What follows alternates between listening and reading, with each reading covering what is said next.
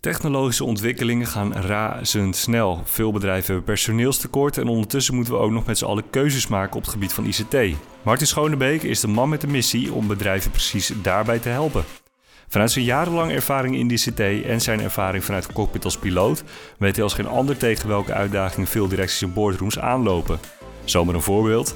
Bedrijven nemen amper de tijd om stil te staan en terug te blikken, terwijl het in de luchtvaart de absolute standaard is. De debrief, zoals hij dat noemt. In deze podcast daagt Martin je uit om op een andere manier naar IT en een te kijken. En hij heeft ook best wel een originele manier waarop hij zijn trajecten afrondt. Nou, wil je dat weten en wil je weten welke drie vragen jij jezelf moet stellen als het gaat om ICT-veranderingen en duidelijke keuzes maken, dan moet je de komende 30 minuten zeker even luisteren. Martin, de werkverbeteraar van vandaag. Van harte welkom. Ja, dankjewel Lennart. Goedemorgen. Uh, ik dacht alleen al, ik heb jou een keertje horen spreken op een evenement... en ik dacht, die man heeft zo'n goede stem, die moeten we een keer in de podcast hebben. Het zou zonde zijn als we dat niet zouden doen. ja, nou, daar ben je natuurlijk zelf niet echt van bewust... of je wel of niet een goede stem hebt. Nou, bij deze. Uh, bij, bij deze, deze, dankjewel. Ja. ja. Maar je weet hoe het gaat, hè? Dan geef je complimenten en dan zaag ik je helemaal door. Zo, ja, zo nou, in, uh... nou kom erop. Oké, top. Nee, nee, nee. Ik, toen, ik, toen ik bezig was met de voorbereiding, toen schreef ik op... Martin, de man met een missie. Ja. Um, ja. Want uh, ja, er, er, moet wat gebeuren hè, bij directies in Nederland op het gebied van keuzes, beslissingen maken in IT. Ja, zeker. Ja. Is dat een beetje wat, hoe, hoe jouw missie kan samenvatten? Er moet iets gebeuren bij directies? Ja, vooral ook doen. Hè. Dat is een van mijn, uh, mijn thema's, denk ik. Um, als je kijkt wat er gebeurt binnen, uh, binnen boardrooms waar ik, uh, waar ik veel loop, is dat er werken prachtige mensen met een, uh, vaak ook nog wel een, een visie. niet altijd even een duidelijke visie, maar wel een doel voor ogen. ze zijn heel erg vakgerelateerd. ze kunnen op hun eigen vakgebied prachtige dingen maken. Maar zodra je een uitstapje gaat maken richting ICT, ja, dan kom je in een gebied waar ze eigenlijk niet heel erg veel verstand van hebben of helemaal niet. Ja, en dan wordt natuurlijk spannend, want zo'n ICT-strategie moet natuurlijk aansluiten bij de, de missie uh, die je eigenlijk als organisatie zou willen hebben. En dat hoeft niet altijd high-end te zijn, dat kan best heel eenvoudig zijn. Maar in veel gevallen is dat niet het geval. En dat is een beetje mijn missie, om ja. die mensen, vaak ook grote familiebedrijven, uh, een beetje in het land te blinden, toch een beetje met één oog koning te zijn. En uh, dat is ongelooflijk gaaf om te mogen doen, moet ik zeggen. Ja, nou daar gaan we straks uitgebreid over Zeker. hebben. En alle, ja. alle dingen die jij tegenkomt in die, in die missie die jij hebt. Ja. Um, maar laten we eerst nog eventjes bespreken dat ik hier met een man zit met een titel. ja. dus ja, um, jouw organisatie heet Human Air Associates. Ja, zeker. dus je zit, je zit letterlijk, of jij hebt een verleden in de cloud, hè? Ja. in de, in de wolken in de lucht. Kun, kun, je daar iets over vertellen? Wat, ja, ja, ja. Je, hebt niet altijd in de ICT gezeten. Nee, dat klopt. Ik ben uh, van huis uit begonnen bij de Koninklijke Luchtmacht. En uh, dit is geen reclame-podcast voor de Koninklijke Luchtmacht, nee. maar het is wel een fantastisch mooi bedrijf om maar uh, te beginnen. Uh, eerst als dienstplichtige, later als beroepsmilitair. ook nog een stevige militaire opleiding gehad bij de Landmacht. Uh, ze kennen het wel vanuit de groene beretten, zou ik maar zeggen. Uh, ongelooflijk veel geleerd binnen, binnen Defensie. En uh, ja, ik denk dat dat de basis is geweest om uiteindelijk, als je achteruit kijkt, de dingen te doen die ik nu gedaan heb. En dat is prachtig om dat ook te vertalen naar oplossingen voor ondernemers die vandaag worstelen met dat soort strategieën. Ja. Dus ja, defensie is voor mij toch, uh, zit in mijn hart, moet zeggen. Ja, en dan met name het vliegen, toch? Ja, zeker. Ja, ja, ja. ja, ja. Ik ben begonnen bij de luchtmacht eerst als uh, navigator. En uh, uiteindelijk ben ik begonnen met vliegen over toen ik 16 jaar was. was mijn eerste ervaring om eens in de vliegtuig te stappen. En daarvoor allerlei modelbouwzaken, radiograafsvliegen. En uh, ja, wat je leert is dat je afspraken moet nakomen. En dat je dan uh, van tevoren ook uh, met elkaar dingen gaat bespreken. Om het even simpel te zeggen, noemen ze een briefing. Ja. En vervolgens ga je het plan ook doen. Je gaat het ook uitvoeren volgens het plan. maar ja, uiteindelijk wat je dan ziet is dat niemand bijna debrieft binnen de commerciële wereld. Want ja, we hebben een plan en het plan is gelukt, dus we gaan weer door naar het volgende plan. Maar lessons learned, ja, dat is eigenlijk binnen Defensie gewoon standaard uh, zit niet in je genen. Om met elkaar heel open en heel eerlijk te vertellen wat ging nou eigenlijk niet goed. Want daar kun je echt van leren. Nou, dat heb ik meegenomen vanuit de defensiekant uit uh, richting het commerciële leven en commerciële denken. Uh, en dat is heel vaak verrassend in boardrooms, want zo denken vaak ondernemers helemaal niet. Ja, en even, even voor de, voor de leken, debriefen, dat is eigenlijk het moment dat je pakt om even terug te koppelen. Precies, een, ja, ja, ja. even een, uh, een terugkoppeling geven met elkaar en zeggen: jongens, maar wat hebben we nou eigenlijk geleerd van de afgelopen tijd? En hier kunnen we nou iedere dag een beetje leren om ook iedere dag een beetje beter te worden van elkaar. En, uh, en wat je heel vaak ziet is dat door alle druk en hectiek, vooral vanaf de laatste jaren denk ik zo'n beetje, uh, bedrijven nauwelijks uh, tijd hebben om even een flashback te geven. Als je kijkt naar het bouwsegment, het ICT-segment, overal waar je loopt hebben ze mensen tekort. En ze hebben eigenlijk geen tijd om even achteruit te kijken van jongens, maar wat, wat zijn we nou wel met de goede dingen bezig met elkaar? Nou, dat is de prachtige rol die ik mag invullen. Ja, om dan even, even te zeggen tegen die mensen: joh, laten we even een moment pakken, waar zijn we mee bezig? Precies, ja, ja, ja dat. Ja. En dat uh, is heel mooi als je dat dan ook voor elkaar krijgt. En dat ook de boord dan vaak snapt, uh, of directie, of hoe je het wil noemen, of een MT. Van uh, oké, we moeten hier toch even werk van gaan maken met elkaar. Nou, wat ik dan meestal doe, ik neem hem mee in de, de werkelijkheid van vandaag en ook in de toekomst. Ja, dan zie je dat dat gewoon bij zo'n eerste gesprek vaak nog ineens landt. En dan kijken ze naar en oh ja, ja, ja, prachtig, ja, mooi, mooi. Maar wat, wat in voor me? Nou ja, dan ga je kijken wat is je strategie als ondernemer. Wat is je strategie vanuit ICT en hoe kun je die werelden gaan samenvoegen. En pas bij een tweede of derde gesprek, dan, dan raakt het in één keer. Zeggen, oh, wacht even, maar dat, dat, oh, dat heeft een enorme impact voor ons bedrijf. Hoe gaan we dat dan doen? En hebben we daar wel de juiste mensen voor? En als we dat dan gaan wegzetten, hoe, hoe gaan we dat dan adopteren de komende jaren? Ja, hey, goede vraagstukken. Ja. Nou, en dat is een beetje de smeerolie, zal maar zeggen, die ik uh, mag zijn binnen dat soort organisaties. Ja, maar ik ben benieuwd, hoe, hoe ben je bij ICT terechtgekomen? Uh, veel van mijn vrienden hebben gewoon ICT gestudeerd. En uh, ik wil gewoon dingen oppakken en dingen regelen en, en dingen organiseren. Dus voor mij was ICT eigenlijk wel, wel handig. En nou, het was in Arnhem, ook lekker, lekker dichtbij. Dus uiteindelijk heb ik ICT gestudeerd aan de HTS Arnhem. En uiteindelijk ja, hebben we via die weg, we zeggen, het IT-pad geraakt. Hey, en toen ben jij in de ICT, ja, heb jij je sporen verdiend. um, Zag jij toen al iets gebeuren zeg maar, bij directies dat je dacht van hé, hey, hier moet ik op een gegeven moment iets mee? Even die, die directie op zijn plek zetten en zeggen van jongens, laten we eens even terugkijken. Was dat toen al gaande, zeg maar? Ja, nou, in de tijd dat ik begon was het eigenlijk heel simpel. Je bent een van de werknemers die gewoon ergens aan de gang gaat. Want ik ben ook eerst in loondienst uh, geweest voordat ik voor mezelf begon. En pas later, als je op een gegeven moment uh, met een eigen bedrijf bezig bent, dan zit je ook veel makkelijker in een directiekamer, zal maar zeggen. Uh, en dan hoor je een aantal dingen, alleen ben je leverancier. Ja. En het mooie wat ik nu doe, de laatste, uh, nou, wat is het, de laatste acht tot tien jaar, is dat je uh, samen met de eigenaren bezig bent om hun bedrijf beter te maken, om het zo maar te zeggen. Met name op IT-vlak. En dat is een geweldige missie die je hebt. En meestal ben ik interim, dus meestal zit ik een jaar of twee jaar bij een bedrijf. Er zijn bedrijven bij waar ik inmiddels al vijf jaar of langer loop. Ja, omdat er gewoon een fantastische klik is met die mensen. Ja, en dan waar ik nu benieuwd naar ben, want jij, jij schetst eigenlijk een situatie dat, dat directies, boardrooms en T's eigenlijk nog niet echt doorhebben dat ze die debrief moeten doen. Ja, ja. Hoe komen ze dan toch tot het besluit dat ze denken van hé, hey, laten we eens met Martin gaan zitten? Nou ja, vaak is het dan toch wel een beetje mond-op-mond reclame. Uh, iedereen kent elkaar wel een beetje in die uh, wereld, in het segment waar je zit. Uh, en als je dan bij zo'n bedrijf binnenkomt, dan ga je eerst, net je dat eigenlijk ook in luchtvaart doet, als je een probleem hebt met een vliegtuig, dan ga je eerst een analyse maken van wat is er eigenlijk aan de hand. Dus analyze situation is eigenlijk het eerste wat je gaat doen. Ja. En op het moment dat je dan met zo'n met zo'n boardroom in gesprek gaat, dan kom je er vanzelf al achter dat er gewoon eigenlijk heel veel dingen niet op orde zijn. En daar prik ik vrij vlot doorheen. Door het stellen van de juiste vragen, door het gesprek aan te gaan met de mensen. Kun je een voorbeeld noemen zonder, zonder namen te noemen? Want dat, ja, dat nou, natuurlijk niet. Ja, wat er meestal gebeurt is dat je binnenkomt en eerst moet directie, meestal de eigenaren, vaak zijn het grote familiebedrijven en zo, ehm, die, die moeten eerst bewust worden van het feit dat er überhaupt wat aan de hand is. Ja. Dus roepen mij en ze zeggen, ja, er zit, wat, er zit een vlekje op je huid. En, uh, dan gaan ze kijken en dan blijkt op een gegeven moment dat dat tot het hele lichaam zit, maar zeggen. Nou, en wat je dan ziet is dat uh, je dan in gesprek moet met heel veel mensen binnen zo'n organisatie.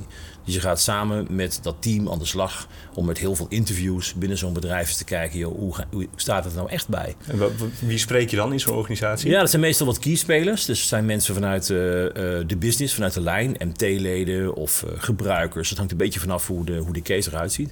En aan de hand met die, van die gebruikers krijg je hele gave, zinvolle informatie. Uh, toen ik vroeger een eigen uh, bedrijf had, uh, samen met mijn kompion, kwam ik er ook wel achter dat hoe groter je eigen organisatie wordt, hoe lastiger het is om nou precies te weten wat er aan de hand is. En dat heb ik altijd heel goed onthouden. Ik denk, ja, ik wil het eigenlijk wel heel graag weten. Ik ben eigenlijk wel van huis uit heel nieuwsgierig.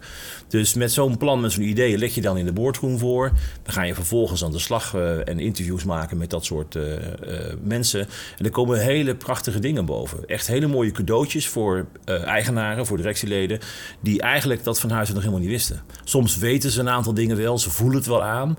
Maar doordat ik die uh, analyse gemaakt heb, ja, komen veel dingen boven water. En het heeft vaak niets te maken met ICT. Je heeft alles te maken met cultuur.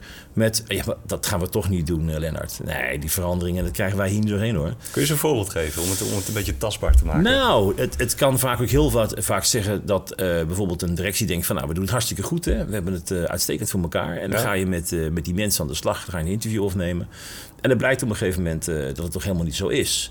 een groot voorbeeld kan wel zijn dat de directie denkt van... ja, weet je, maar ik heb met de verantwoordelijkheid best wel laag in de organisatie neergelegd. Dus uh, wat mij betreft uh, prima. En dan hoor je de andere kant. En dan zeggen ze, nee, dat is helemaal niet waar, joh. Want we kunnen wel dingen opperen, maar er wordt altijd een besluit genomen door hunzelf. Oh ja. Nou, dat, dat geeft al heel vaak iets aan over de cultuur van een bedrijf... en, en over het succesvol uitrollen van een ICT-traject. Want uh, op het moment dat je dat soort uh, zaken boven water haalt, dan weet je al uh, wat de risico's zijn. Dus wat ik eigenlijk aan het doen ben met zijn analyse, is niet alleen maar het cadeautje voor het bedrijf zelf, maar ook als je een stap verder wil, meteen al risico's in kaart brengen. Van stel nou dat we deze missie gaan doen met elkaar, wat zijn dan de risico's die we hebben? Nou, dat is prachtig. Ja, want uiteindelijk zijn de mensen binnen de organisatie die jou dat voer geven. Om Zeker, ja, want ik weet het niet en vaak ja. weet de eigenaar het ook niet. En hoe doe je dat dan, zo'n interview? Dan zeg je tegen die directie van nou, eh, geef me wat mensen die ik wil spreken en dan, uh, dan play je wat in. Dan ga je met ze zitten. Dat is heel kort door de bocht. ja, dat snap ik. ja, ja, nee, dat gaat, ja, het gaat iets uh, inhoudelijker. Ja. Uh, je gaat met elkaar eerst eens nadenken, joh, wat is nou, wat wil je bereiken? Hè? Wat, wat wil je boven water halen met elkaar? Dan ga je eens nadenken, welke mensen horen daar dan precies bij? En dat zijn, heel grappig gezegd, niet vaak de ICT-mensen. Dat zijn vaak mensen die uit de business komen. maar dat kan ook heel operationeel zijn. Bijvoorbeeld als je naar een bouwsegment kijkt, dan heeft zo'n uitvoerder die daar op zijn grote bouwplaats zit. Nou, hey, die weet echt wel hoe het vaak in elkaar zit. Die kan je best wel vertellen hoe een bedrijf is georganiseerd, wat er geweldig gaat, wat er vooral helemaal niet goed gaat. En dat is natuurlijk hele mooie informatie die je kan gebruiken voor een totaal plan.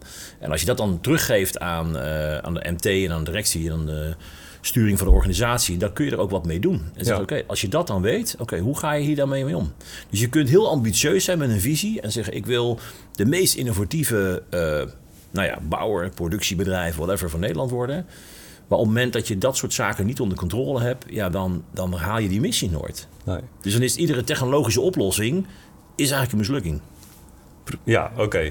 Helder. Um, maar, nou wordt het interessant. Ja, nou, nou, nou wordt het interessant. En, maar, maar, eigenlijk wat jij beschrijft... Uh, we gaan het natuurlijk hebben over technologie IT. Alleen dit is een traject wat los van wat je ook wil veranderen of doen binnen je bedrijf... heel waardevol kan zijn, denk ik toch?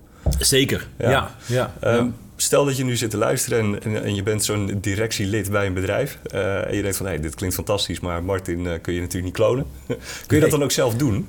Is het, is het iets wat je zelf kunt doen of laten doen binnen je bedrijf? Of ja, is... met name laten doen. Kijk, zelf doen, uh, vreemde ogen dwingen daarin toch wel. En uh, het hoeft niet per se Martin te zijn of Piet. Het, het, je kunt het ook zelf best wel ophalen. Alleen het probleem is dat mensen die al een tijd uh, bij een organisatie werken en daar op de payroll staan, hebben ook een soort verantwoordelijkheid richting je organisatie. Je gaat natuurlijk niet zeggen van nou Lennart, ik heb goed nieuws, je bent die eigenaar, maar je, je doet het helemaal verkeerd, jongen. Nee. Dat is niet zo. Dat is niet het eerste gesprek op maandagmorgen. Nee, nee, precies. En uh, terwijl dat heel vaak wel de conclusie kan zijn dat het uh, niet alleen in de organisatie ligt, maar gewoon aan het niet sturen van de organisatie of uh, directie communiceert onvoldoende of noem maar op. Er zijn allerlei zaken die de verbinding tussen die lagen, ik maar zeggen, die vaak een beetje grijzer gebied zijn. En uh, ja, wat je graag wil is dat het gewoon heel helder is en heel erg transparant. Als je kijkt ook naar de organisaties die heel snel zijn gegroeid, zoals Coolblue en nou, Google is natuurlijk een hele belangrijke. Die hebben gezegd, joh, we hebben helemaal geen lagen meer. We hebben gewoon, iedereen is zo verantwoordelijk voor een eigen job en doet daar zijn eigen ding. Die heeft de vrijheid en wanneer je wil werken, joh, bekijk het maar wanneer je wil werken. Dat kan natuurlijk niet overal. Hmm. Maar als je dat soort uh, filosofie nastreeft, dan moet je ook zorgen dat je aannamebeleid volledig op orde is. Ja, eh, nee, hey, niet gelukt. Dan moet je ook zorgen dat je juist de mensen aanneemt. Ja, eh, die zitten er al de hele tijd. Ja, ja. Dat is trouwens best een aardig... Uh... ja, mensen denken misschien dat ik hier een knop ja, nee, nee, nee, het is, het is, het is live gewoon. Ja, ja, precies. ja, dus, dus het is heel belangrijk dat je met elkaar het gesprek aangaat van wat is nou de, je visie als ondernemer voor de komende jaren. Uh, en, en, welke ICT-strategie hoort daar bij? En, uh, en dat is het, mooie cadeautje wat ik doe met de bagage die ik afgelopen nou ja, 20, 25 30 jaar bijna heb gedaan. Ja. Om die ook daadwerkelijk dan handen en voeten te geven. Ja. ja, nou we gaan het zo meteen even ook echt hebben over IT. Maar ik hoor jou net nog iets zeggen, wat ik dan spannend vind. je, je beschrijft van, nou, je moet de juiste mensen hebben. Jij kan het beter dan ik. Die, die zitten er al een tijdje. Kan dat dan ook betekenen, dankjewel. Kan dat dan ook betekenen dat je dan op een gegeven moment denkt van, nou, we moeten misschien afscheid nemen van bepaalde mensen om ja. vooruitgang te kunnen boeken? Ja. ja, en afscheid nemen wil niet meteen zeggen ontslag. Nee. Afscheid nemen wil zeggen dat je uh, in een andere segment gaat werken of andere skills in de loop der jaren krijgt. Uh, als je puur kijkt naar de menselijke ontwikkeling, dan, dan ben ik anders toen ik, toen ik 20 was of 30 of 40.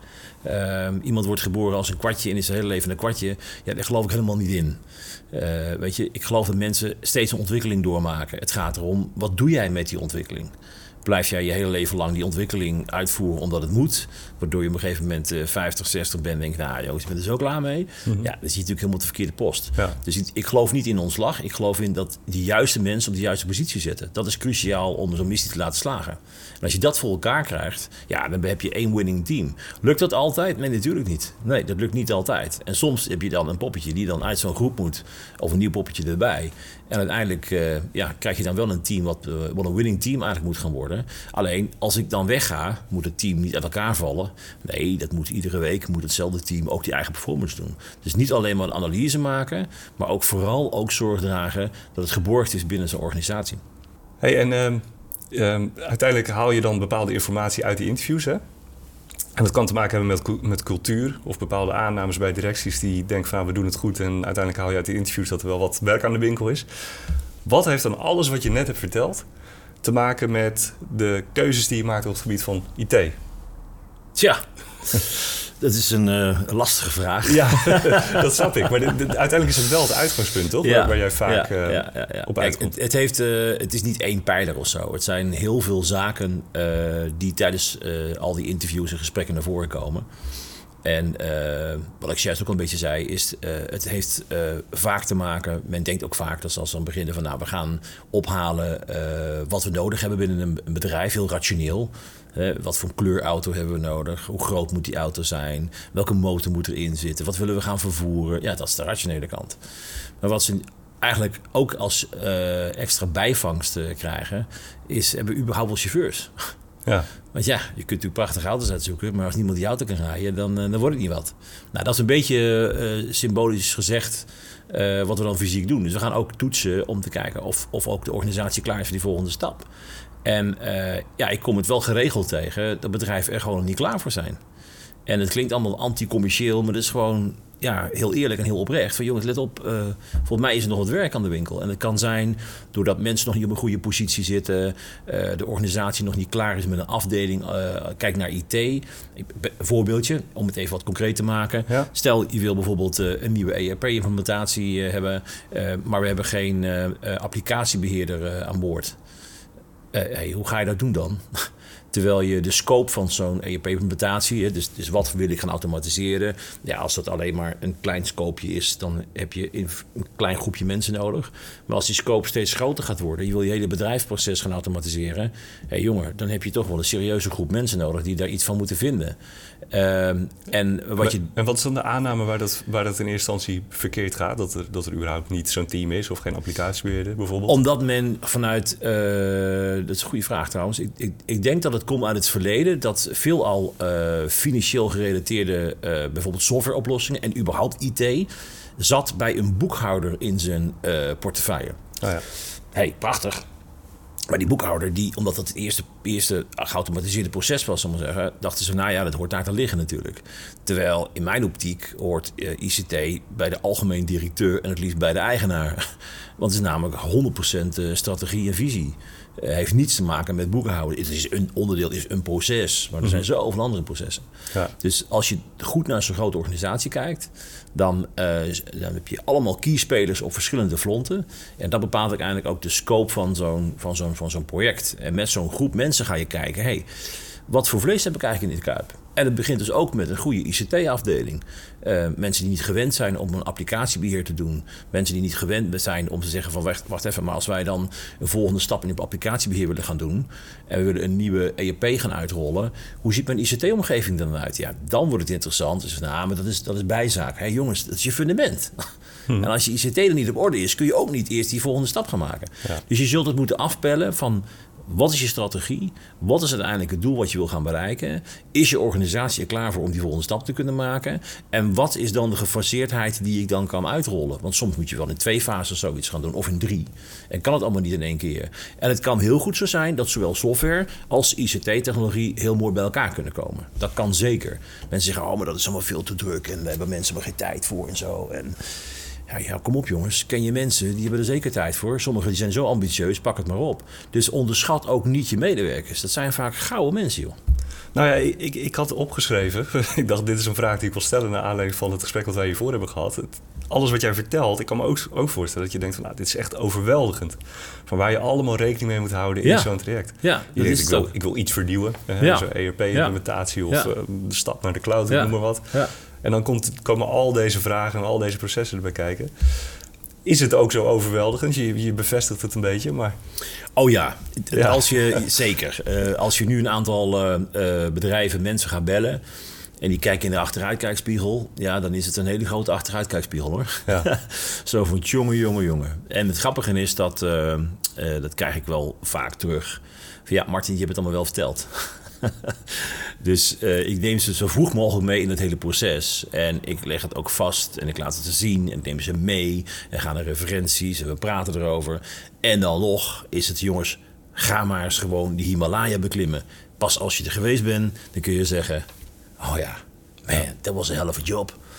Uh, maar we hebben het wel gedaan. Ja. Weet je? En dat is wel gaaf, denk ik. Uh, en daarbij komt ook, uh, dat hoor ik ook wel steeds vaker, is de, de, de wervelwind. Hè. Mijn logo is ook een wervelwind, een turbinemotor eigenlijk, maar een wervelwind. Ja? Uh, omdat je uh, met zo'n groot uh, traject een enorme dynamiek binnen je organisatie kan, kan ophalen. Als je dat ook voor andere projecten gaat doen, gewoon met teams gaan samenwerken, heel lean, met een, met een dagstart en met een integratieoverleg, met een dagafsluiting en iedere week weer opnieuw en opnieuw en opnieuw en opnieuw, ontstaat ook heel veel dynamiek binnen zo'n bedrijf. Zegt, oh wacht even, maar als we dit met IT kunnen doen, dan kunnen we het ook voor andere projecten gebruiken.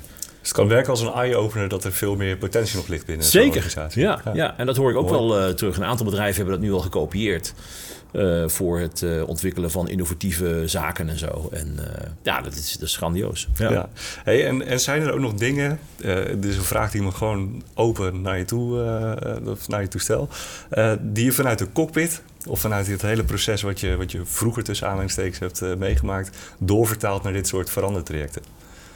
Ja, nou, het zijn een heleboel. Het, uh, ik vlieg nog steeds in mijn, uh, in mijn eigen jakken en dat is een hele mooie cockpit. Ja. Uh, kijk, het belangrijkste wat je, eh, denk ik, wat je mee kan geven is afspraken nakomen. En ik merk wel dat. Gebeurt dat te weinig? Ja, zeker. Ja. Ja, ja, Deadlines halen is ook een, een, een, best wel een issue. en als je geen deadlines haalt, is op zich niet zo erg.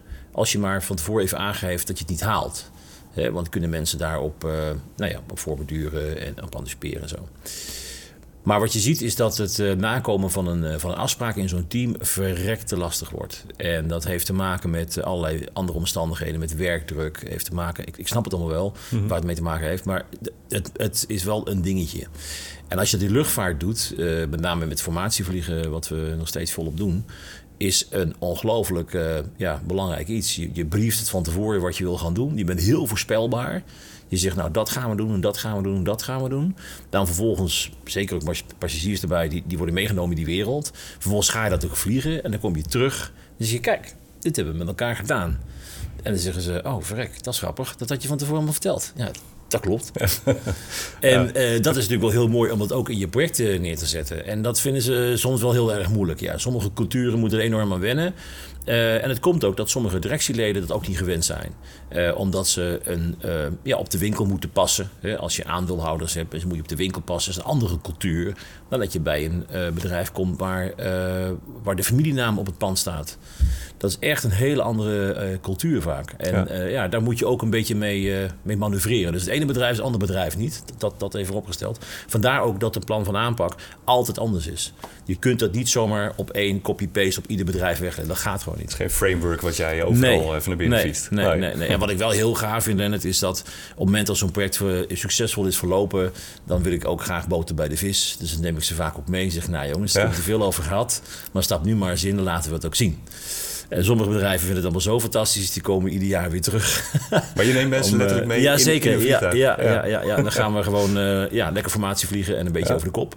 Oké. En dan eh, zien ze ook eh, ja, hoe dat eigenlijk in het echt werkt. En dan valt uiteindelijk ook het hele kwartje. Zeggen ze, ja jongens, what a journey. Ja, ik snap het allemaal wel. Dus eigenlijk zou je het willen omdraaien. Om eerst een mee te nemen in die wereld. Maar ja, je begint natuurlijk op een andere manier met elkaar. En, eh, maar het is wel heel gaaf om die vertaalslag te maken tussen eh, ja, luchtvaart algemeen. Hè. Gewoon, eh, eh, je moet altijd plan B hebben bijvoorbeeld. Dat is ook zoiets moois. In luchtvaart heb je altijd plan B. Je hebt niet alleen maar plan A, je hebt altijd plan B. Ja. Vaak heb je in bedrijfsleven geen plan B. Nee. Die hebben iets, een missie. Die zeggen, nou, dan gaan we voor een plan. Heb je een plan B? Geen, geen idee. Nou, zullen we daar eens aan gaan werken met elkaar dan? Ah, ah, dat is ook interessant, ja. ja dus je moet ook altijd een, een fallback scenario hebben eh, van als dingen niet lukken. En dat gebeurt ook. Hè. Tijdens een implementatie heb je ook dat eh, gewoon deadlines niet worden gehaald met conversiescripts of met, eh verzin het allemaal maar. Ehm, en dan is het wel heel fijn als je plan B hebt. Dat je, oké jongens, het, is heel vervelend, maar we gaan even wel eh, anderhalve maand uit- uitstellen, omdat we de live datum niet kunnen halen. En dat ligt dan bij een aantal personen. Dat is helemaal niet erg, want dat mandje zit gewoon vol. En dan moeten we er gewoon even tijd voor kopen. Maar let op, wel anderhalve maand. En en geen twee maanden, dan had ik veel twee maanden gezegd. Dat Ja. klinkt allemaal heel flauw, Ja. maar dat is wel de essentie. Want die hele groep moet mee, dit hele bedrijf moet mee. Dus ja, het, het hangt allemaal in elkaar samen. Ja, ik moet wel zeggen dat ehm, ehm, het klinkt allemaal heel, heel logisch wat je vertelt. Voor iemand met lichte vliegangst denk ik wel van nou, hier zou ik nooit aan beginnen. Maar goed. Nou ja, het, eh, ik denk ook dat heel veel eh, bedrijven geen idee hebben als ze hiermee gaan starten. Nee. En waarom gaan ICT-trajecten nou heel vaak mis? Is omdat ze dit niet doen. Ze hebben geen logisch plan. Ze denken met een leverancier, achterleverancier, roep wat, dit gaan we doen. En heel langzaam neemt de leverancier jou mee in een plan waar je eigenlijk geen idee hebt waar we naartoe gaan. Want je hebt namelijk geen verstand van. En hoe gevaarlijk is het als je er geen verstand van hebt? Kijk, één ding. eh, toen ik ooit begon bij, eh, bij Defensie eh, en ik aan die machines moet lopen trekken... toen zei ze, Martin, het is beter dat jij de marathon niet loopt. Eh, maar 400 kilo optillen, dat is voor jou niet zo'n probleem. Dus zet mensen in met de juiste skills eh, in het juiste vakgebied. eh, dan heb je alleen maar een winning team. Nou, en dat alleen al is vaak voor zo'n onderneming een hele journey. Dus ja, eh, vliegangst. Ik, ik help je wel van je vliegangst af. nou, dat is, dat is een mooie boodschap. Ja. Ja. dat, is, dat is uiteindelijk ook het hele idee. Hè? Ja. Hey, nog even, even een, een, nou, ik denk een belangrijke vraag als je het hebt over processen die je start, verandertrajecten waar je, waar, je, waar je instapt.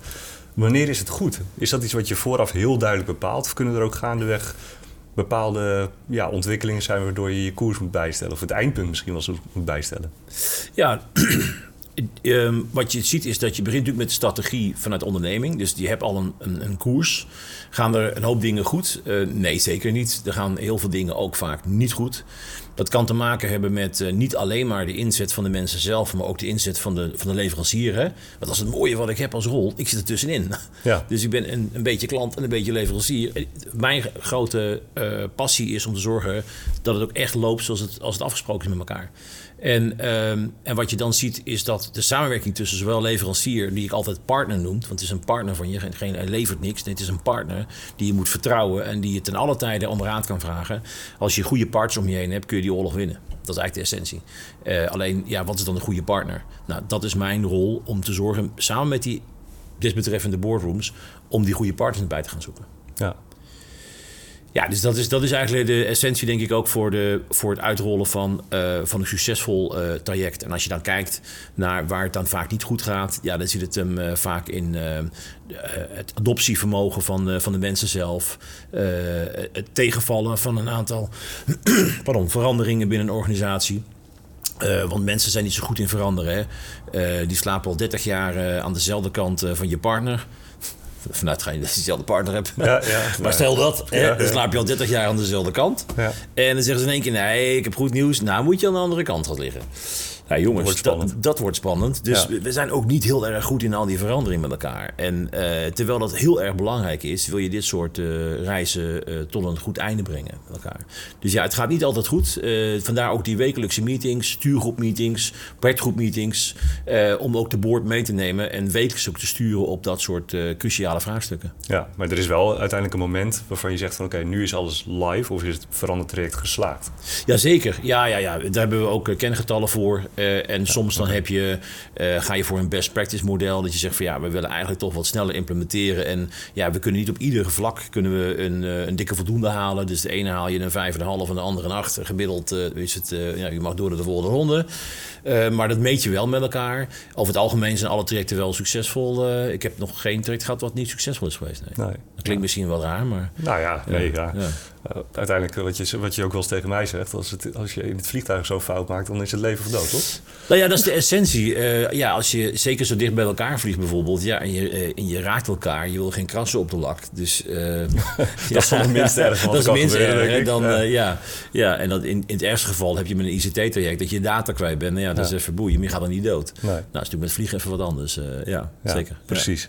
Mooi. Hey, ik zie dat de teller afloopt. Um, ja, we moeten ook strikt zijn, hè? Dat ben jij gewend. Zeker. Maar we gaan de deadline niet halen, want ik heb nog één belangrijke vraag voor jou. Ja, ja ik zie Sorry, Martin. maar nog even nou, praktisch, want dit is, de, dit, dit, is een, een, een, punt wat uh, bij elke aflevering terug gaat komen. De drie punten vraag. ja. wat, zijn nou ja. drie, wat, zijn, wat zijn nou drie vragen die organisaties en leiders zichzelf nu moeten stellen als het gaat om uh, ja, de stappen die ze willen maken met ja. IT? Ja, ja, ja. ja, het belangrijkste denk ik voor nu is, uh, sluit mijn IT-missie aan bij de missie die ik zelf heb. Dat is eigenlijk het aller, allerbelangrijkste. En ze hebben vaak geen clue. Dus daar begint het eigenlijk mee. De tweede is, heb ik inderdaad ook daadwerkelijk de juiste mensen in, uh, in huis om dat te kunnen doen met elkaar. En stap drie, heb ik daar überhaupt ook uh, externen bij nodig, partners bij nodig... om te zorgen dat die missie tot een goed einde wordt gebracht. Nou, strak. Binnen de ja, tijd. Binnen de tijd, ja, absoluut. Maar dat is wel de essentie, denk ja, ik. Ja, ja. oké, okay, mooi.